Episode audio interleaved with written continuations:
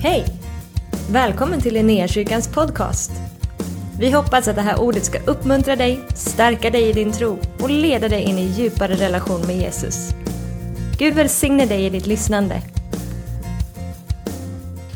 Eh, så här är det. Att, eh, det finns någonting som, som återkommer när de här gänget pratar och det är att få komma tillsammans och få möta Gud. Att få komma tillsammans och få uppleva en närvaro utav, utav honom. Och det här är på något sätt grunden för det som, eh, som, eh, som eh, församlingslivet. Att det finns en, Alltså, vi kan ju inte göra eh, och bygga hans församling utan att han är närvarande. Det är ju en utopi. Om det nu är Gud eh, och han finns och eh, han sände sin son och vi har frälsning genom hans son så vore det ju ganska skrämmande om vi försöker bygga en församling och försöker göra en gudstjänst utan att först och främst tänka att det är han som är aktiv och det är han som är närvarande. Det blir lite löjligt. Och det här är ju liksom, ligg det ligger där och eh, talar tydligt utifrån, utifrån skriften. Och ehm, eh, till exempel så är det så här att när Mose ser den här fantastiska synen i ehm, andra Mosebok kapitel 3, det är en buske som brinner hörni. Och den här busken den brinner utan att brinna upp ser ni. Och det är ju otroligt märkligt och det skulle väl fånga eh, vår uppmärksamhet också idag. Och det fångades eh, Moses uppmärksamhet då. Så vad han gör är att han trixar sig fram eh, till den här busken som inte brinner upp. Och när han kommer dit och dras han dit utav vad jag skulle vilja säga en närvaro. Det är någonting som finns där som lockar hans uppmärksamhet. En närvaro utav Gud själv. Och mitt där så börjar Gud tala till honom. Och det som händer när närvaron utav Gud är på den platsen där vi möts i hans namn, eller nu i det här fallet Mose i den här texten, så händer någonting som Bibeln förklarar med uppenbarelse. Och det kan ju låta lite, ja, lite konstigt för dig som inte är van att vara i kyrka, var uppenbarelse, bara nu klingar det till. Men det är mer än att det bara klingar till. Det är han som är den enda bestående ursprunget, skaparen, den allsmäktige till allting som vi ser, som är källan till allting som har liv genom honom existerar vi. Det är han som säger, jag vill uppenbara mig och jag vill tala till er. När han uppenbarar sig för Mose på den här platsen och talar om vem han är för Mose, så gör han någonting mer än bara talar om vem han är. Han kallar på Mose. Han ger Mose en uppgift, han ger Mose ett uppdrag. Och det är grunden egentligen för det som får vara ett församlingsliv, ett gudstjänstliv. Det vill säga att vi utgår ifrån att när vi möts så finns det en närvaro av Gud. Och på den platsen vill Gud uppenbara vem han är. Och på den platsen får vi igenkänna och säga, här är vi. Och så lägger Gud en kallelse över församlingen och över våra liv att gå ut och beröra världen med Eh, hans budskap. Evangelium till alla människor. Och eh, det här är samma resa, eh, precis på det här sättet som sker när Jesus kommer. Jesus kommer ner till världen för att uppenbara för mänskligheten vem Gud är. Ehm, eh, genom tiden så har Gud talat på olika sätt, genom profeterna, på många olika ställen, på många sätt. Och han har förklarat vem han är, men nu står det så har Gud i sista tiden talat genom sin son. Han som utstrålar hela Guds väsen. Och eh, ifrån Matteus kapitel, eh, kapitel 16, perfekt. Eh, så står det att när Jesus kom till trakten av Caesarea Filippi så frågade han sina lärjungar, vem säger människorna att människosonen är? Och de svarade, vissa säger Johannes döpare, andra Elia, andra Jeremia eller någon av profeterna. Och han sa det till dem, och ni, vem säger ni att jag är? Simon Petrus svarade, du är Messias, den levande Gudens son. Och Jesus sa det till honom, salig är du Simon, Jonas son. För det är inte kött och blod som har uppenbarat det för dig. utan min far i himlen. Och jag säger dig, du är Petrus och på den klippa ska jag bygga min församling. Alltså uppenbarelsen om att Jesus är Guds son, Messias. På den uppenbarelsen ska jag bygga min församling. Och helvetets portar ska inte få makt över den. Jag ska ge dig himmelrikets nycklar och allt som du binder på jorden ska vara bundet i himmelen och allt som du löser på jorden ska vara löst i himmelen. Sedan befallde han lärjungarna att inte berätta för någon att han var Messias. Jesus representerar en närvaro, en närvaro utav Gud. Där han kommer och där han är så sker en uppenbarelse. Senare så kallar han dem att gå ut och tala om för hela världen vem han är, så som du refererar till här när vi har bett. Så i mitt i församlingen så vill Gud ha sin närvaro. Han vill uppenbara för dig, för de som kommer inom räckhåll, vem han är. Men han vill också lägga ner en innerlig och djup förståelse att vårt uppdrag är att återspegla honom. När Jesus samlar sina lärjungar i bergspredikan, kapitel 5 och kapitel 6, kapitel 7 i Matteus evangeliet. En del som hör mig ofta predika, jag nästan alltid nämner dessa eh, tre kapitel. Eh, men det är för att jag försöker eh, tänka att säga det många gånger så är det i alla fall någon som kommer att börja läsa dem innerligt ofta och studera dem. För de är fantastiska tre kapitel. Men precis där i början av kapitel 5 så, så, så, står det att han samlade lärjungarna. Lärjungarna var hos honom. Så de som hade fångat upp vem han är, fångat den här närvaron utav att det finns något speciellt runt omkring Jesus. Han hade börjat tala till dem och de har fått en blick över vem den här enastående guden är, hans väldiga plan och kallelse över de här lärjungarna som hade blivit gripna av Jesus. De sätter sig Jesus Jesus tillsammans med. Och så börjar han undervisa dem på djupet i dessa kapitel. Ganska snart in i kapitel 5 så säger han, ni är världens salt. Och så säger han, ni är världens ljus. Ni är betydelsefulla.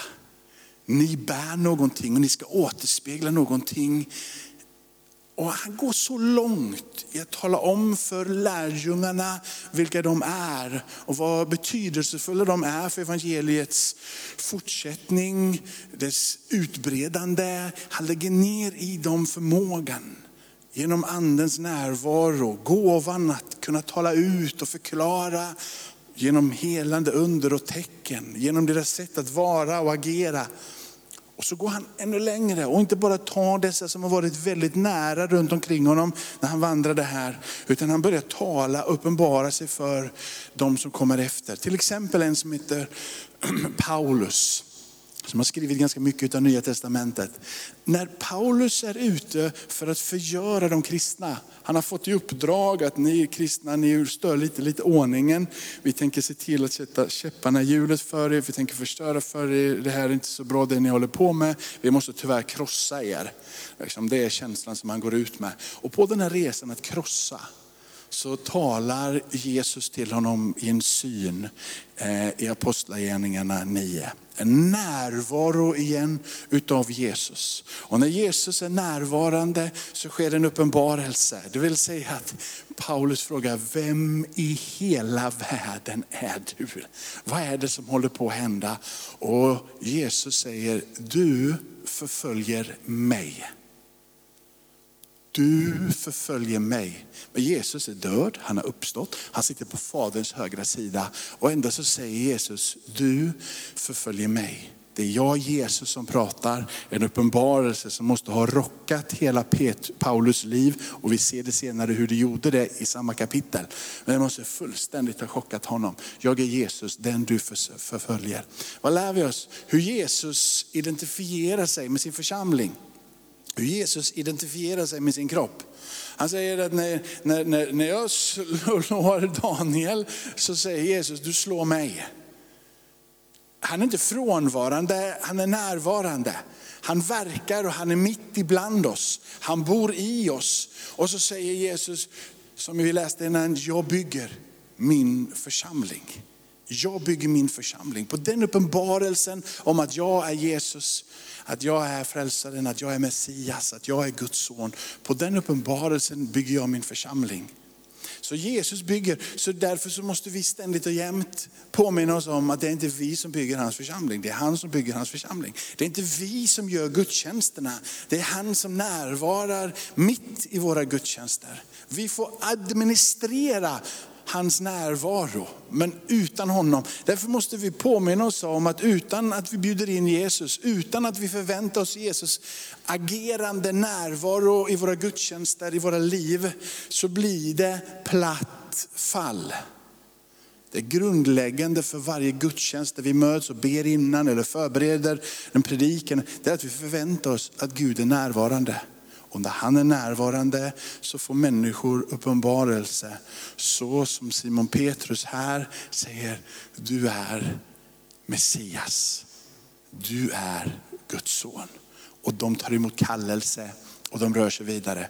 Församling är viktigt. Och jag, jag, uppskattar alla som tar initiativ utanför församling. Och du är kristen och du är på din gata och du är församling där du är. Men det som vi gör tillsammans är också enligt Bibeln helt unikt. När vi möts tillsammans så sker någonting som inte sker om inte vi möts. Han har ett syfte och han har ett uppdrag. Och det var därför som det var så härligt att höra när ni tre pratar här. Ni pratar om hur starka gudsmöten, Daniel du hade satt där på den här, på den här behandlingen, kristna behandlingen. Och I det här rummet när ni sjöng lovsång och pratade så mötte Gud dig starkt. Och Jenny pratade om att du är uppvuxen i kristet hem och jag vet väldigt mycket. Men så var hon på den här konferensen tillsammans med andra och där började Gud att tala. Och samma sak för dig eh, Cissi, att det var när vi kom tillsammans där och fick åka ut och se saker tillsammans med andra. Så började någonting, någonting hända. Det är fint och det är starkt att du klarar dig själv det är du och Jesus. Men det är ännu finare och det är ännu starkare att du får möta Gud tillsammans med andra. Du sitter ihop och du identifieras med att vara Kristi kropp. Han säger, slå någon min församling så slå dem på mig, säger Jesus. Det är ingångsporten till det som får vara dessa tolv ämnen. Fem minuter med tolv ämnen ska jag predika ut till er allihopa här nu. Nej, ska jag inte. Men hörni, vi tänker, vi tänker 12 ämnen under den här hösten för att liksom på något sätt fånga upp hur vi skulle vilja, kanske tala om att ja, men det här tycker vi är viktigt i Linnéakyrkan. Eh, det här tror vi är viktigt för ett liv tillsammans med Gud. Det här är viktigt för lärjungaskap eh, mitt i församlingen. Ja, det första är ju såklart det är mötet med Jesus. Det där mötet med Jesus som förvandlar. Att skapa det utrymmet i gudstjänsten och i allting som vi gör. Att vi inte bara liksom har verksamhet för att ha verksamhet. Och det är fint att vi spelar pingis, men vi spelar möjligtvis pingis för att vi vill låta människor få komma till platsen där de får möta med Jesus. Och prata om det där mötet med Jesus, det exklusiva mötet med Jesus.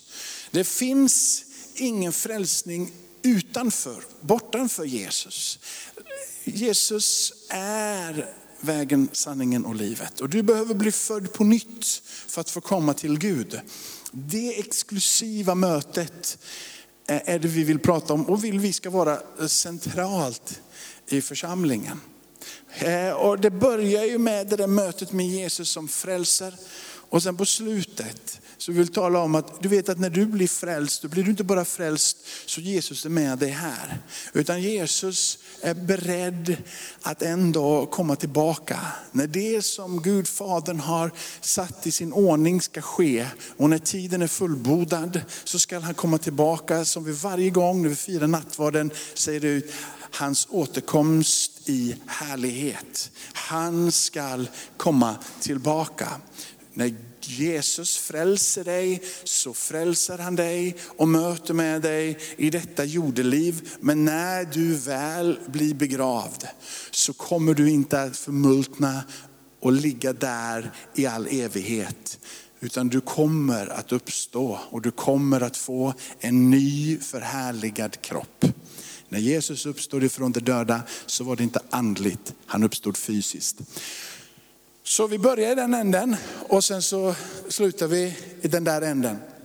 Dopet, tala ut att det där är en viktig plats. Påminna varandra om dopet. Att vi får ha dopet som ett samtalsämne i församlingen. Att dopet är en viktig plats att komma till. Att vi inte bara, ja men det är fint att du, utan dopet är en avgörande plats. Där du får lämna det gamla, du får stå upp tillsammans med Kristus. Du får bestämma dig för att jag vill att han ska vara Herre och frälsare och jag vill att hela världen ska förstå att jag har gett mitt liv till Jesus. Och det som sker i dopgraven av välsignelse, utav nåd. Allting som vi får ta emot på den platsen vill vi ska liksom pratas om och andas i församlingen och såklart i gudstjänstlivet. Det är ingen lätt fråga nummer tre, Guds ord, Bibel, bibeltrohet, att, att Bibeln är central, denna bok som är levande och verksam.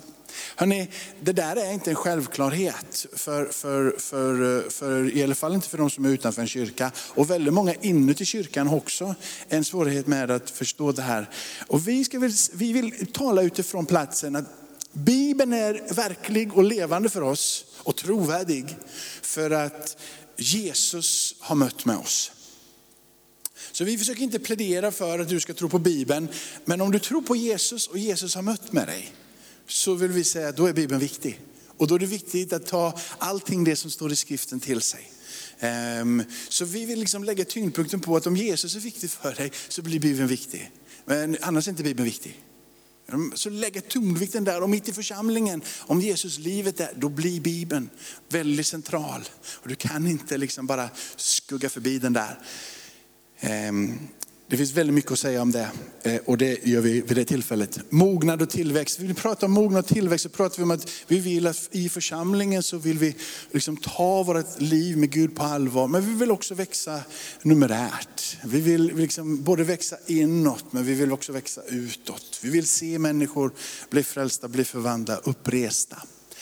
Ehm, Fyllda med den heliga ande har, har, har, har Benjamin varit inne på här. Men det är en central del av att vara en funktionell församling. Vi pratar inte om att nu ska vi komma på mötet och så ska vi ha lite gytt tillsammans och ska vi känna lite hur handen liksom kittlar oss under fötterna. Utan eh, vi behöver den heliga ande, vi behöver hjälpa den, vi behöver sanningens ande. Och vi behöver det för att fullborda det uppdrag som Gud har kallat oss att göra. Och hur tjänar man i dessa gåvor? Paulus ger ett uttryck i Romarbrevet 1 när Paulus talar om att jag längtar efter att få komma till er. Hörrni. Jag skriver till er, jag längtar efter att få komma till er och få dela med mig utan någon andlig gåva till er. Så Paulus säger det är inte bara att vi ska ut i världen och tala om, utan jag längtar med det som Gud har gett mig av andliga gåvor, att få komma rakt in i församlingen. Och det utav anden som du, Gud har gett till mig, det vill jag betjäna Benjamin med. Mitt i församlingen, mitt i gudstjänstlivet, mitt i förbönstunden, mitt i cellgruppen, mitt i nere på kaféet, uppe på läktaren eller ute på sjön. Men mitt i församlingen får dela med sig någon utav dessa andliga gåvor. Ehm, så jag tror det, det kommer, den kommer nog bli spännande, tror jag. Eller? Hörrni, har ni somnat? Nu sa jag fem minuter för fem minuter sedan. Men, eh, men de, de, de, de ligger väl där för sig själva då va. Um, Jesus helar, upprättar och befriar. Det är ju som sagt, vi har gjort det som en predikan i sig. Gud talar, Gud leder, Gud kallar. Eh, och Gud, Gud sänder dig. Och den, den, den som, som ligger som nummer, som nummer nio, där vill vi tala ut att vi vill bemyndiga alla. Så, så det, är inte bara, det är inte bara Jakob som är kallad och Jakob som är sänd för att Jakob predikar oftast, eller Benjamin eller Lovisa. Utan vi vill bemyndiga dig och tala om att vi tror att alla är kallade utav Gud. Och att alla är sända utav Gud. Vi, liksom, det är inte så att Jakob är professionell kristen, så därför så är Jakob sänd utav Gud. Utan vi är sända utav Gud. Du har en unik kallelse av Gud, jag har en unik kallelse. Det ligger, Bibeln pratar om ett allmänt prästadöme. Vi, vi, vi praktiserar inte en, en, en ämbetssyn där Jakob står här uppe och förmedlar nåd till er utan vi tror att du kan komma till Gud själv och ta emot oändlig nåde. ogreppbar nåd. Och det slutar aldrig för du vänder dig till honom. Du behöver inte mig, du behöver Jesus och den helige Ande. För eh, att i tro till honom ta emot det som han har att ge. Eh, så vi vill bemyndiga dig den stunden och vi tror att alla är kallade, alla är rustade, alla vill gå. Så kom som bara den då, den, eh, den gången. Hörrni, eh, jag säger inte mer, men jag tror att ni har en känsla för att vi har en resa på gång. Och att, jag hoppas att ni får med det, det är hyfsat genomarbetat. Vi har liksom, uh, uh, någon, någon har tänkt till och vi har liksom gjort så här lite granna. Så jag tror det kan bli spännande och vi vill liksom se till att låt oss få resa oss upp som en raket som församling och betyda någonting för den här staden. Amen. Lovisa. Eh, så vi, vi tänker så här, att eh, den här stunden som är kvar på gudstjänsten nu, att vi bara får, får sjunga någon sång tillsammans och, eh, och, och be att låt det här få bli en bra höst på det här sättet. Men också att bara känna, men jag är redo Gud, här är jag, liksom, sänd mig. Så varsågoda och stå upp tillsammans så ska jag be en bön. Så får Benjamin ta här på slutet med. Tackar dig Fader i himmelen att vi får vara på den här platsen idag Herre. Och det som du har planerat för den här hösten Herre, det vill vi gå in i. Vi vill gå i det som som vi på något sätt får kalla förutberedda gärningar. In på den platsen där du redan har börjat att modellera. Platsen där du redan har börjat färdigställa. Platsen som du har utvalt i våra liv runt omkring oss. Att vi får gå in i det som du redan har liksom öppnat för oss. Vi vill inte slå in portarna utan vi vill gå in bara på den platsen Herre där du kallar. Kanske möter vi motstånd men du ger oss kraften att ta oss igenom. Tack för att du talar till oss den här stunden och utöver den här hösten Herre. Tack för att du kallar, tack för att du rustar. Därför att du viskar Herre in i våra hjärtan, in i våra öron. Du öppnar våra ögon. Och du ger oss luften i våra lungor så vi kan säga, Herre jag ser dig, Herre jag hör dig, Herre jag känner dig, Herre kalla mig. Vad du skapar på insidan av oss, inte bara överlåtelsen och tryggheten och förtröstan om att du är sann och att du är verklig, utan också på insidan av oss villigheten att vilja gå tillsammans med dig. Vi, förlös, vi förtröstar på dig i det. Så forma våra hjärtan. Forma våra hjärtan Herre. Forma våra hjärtan. Forma mina vänners hjärtan. Alla som just nu är här inne eller hör senare på predikan på, på, på Soundcloud eller vad det nu man lyssnar. Att det bara får träffa hjärtan, forma hjärtan Herre. Gör ditt verk Herre, övernaturligt Herre. Jesus. Om du inte har tagit emot Jesus som frälsare så är det ett ypperligt tillfälle att här säga Jesus, det där som den där snubben där framme med eh, liksom eh, grått och kort hår och lite tjock och stor och sådär. Där han pratar om det är sant att Jesus finns. Om du är här skulle jag rekommendera dig att säga Jesus kom in i mitt liv. Jesus kom in i mitt liv. Tror att du dog, tror att du uppstod. Jesus kom in i mitt liv. Jesus ta min synd, min skuld, min skam, allting som gör att jag känner den här oron. Byt ut den mot din kärlek Jesus.